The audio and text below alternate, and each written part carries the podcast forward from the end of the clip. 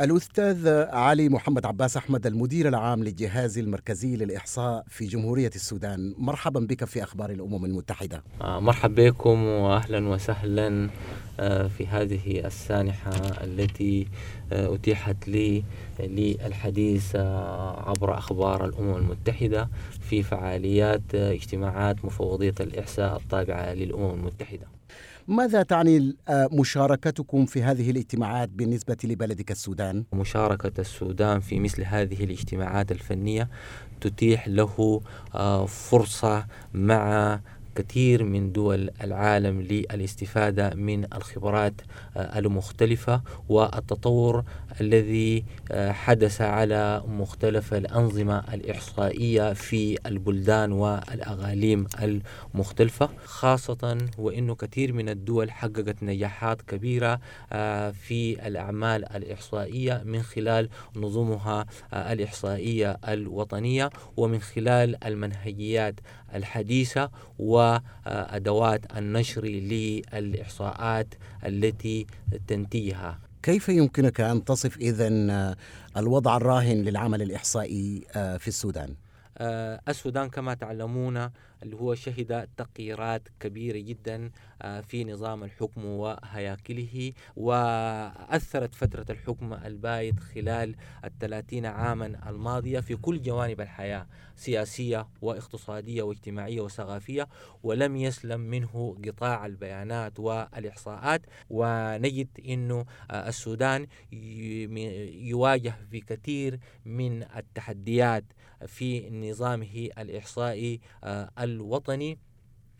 وتنقصه الكثير من آه، الخبرات والقدرات الوضع الحالي للنظام الإحصائي في السودان يحتاج لتوجه استراتيجي لعمل النظام الإحصائي الوطني.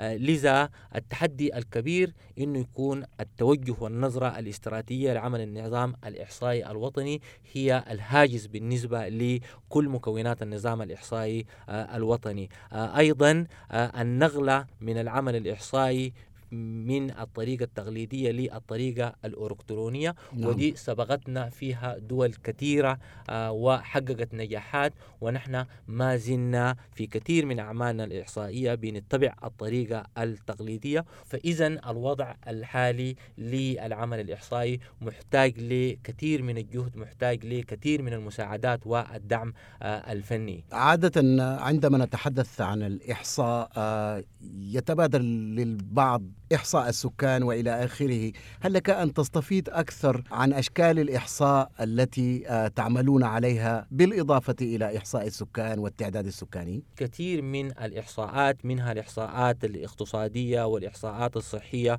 وإحصاءات الجندر والإحصاءات البيئية وإحصاءات مختلف الجوانب آه، الاجتماعية للقطاعات آه، المختلفة كل هذه الإحصاءات ينتجها رسميا الجهاز المركزي للإحصاء بالتعاون والشراكة مع مكونات النظام الإحصائي آه، الوطني. حدثنا سريعا عن ما توصلتم إليه من خلال هذه الاجتماعات التي قمتم بالمشاركة فيها في مفوضية الإحصاء. ونحن اليوم في اليوم آه، الختامي لهذا المؤتمر. ماذا حققتم من إنجازات آه، يستفيد منها السودان؟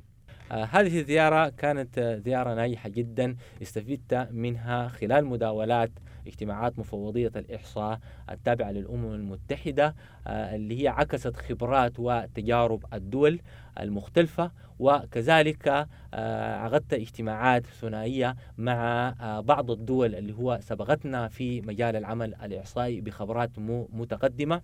خاصة في مجال إجراء التعداد السكاني الإلكتروني.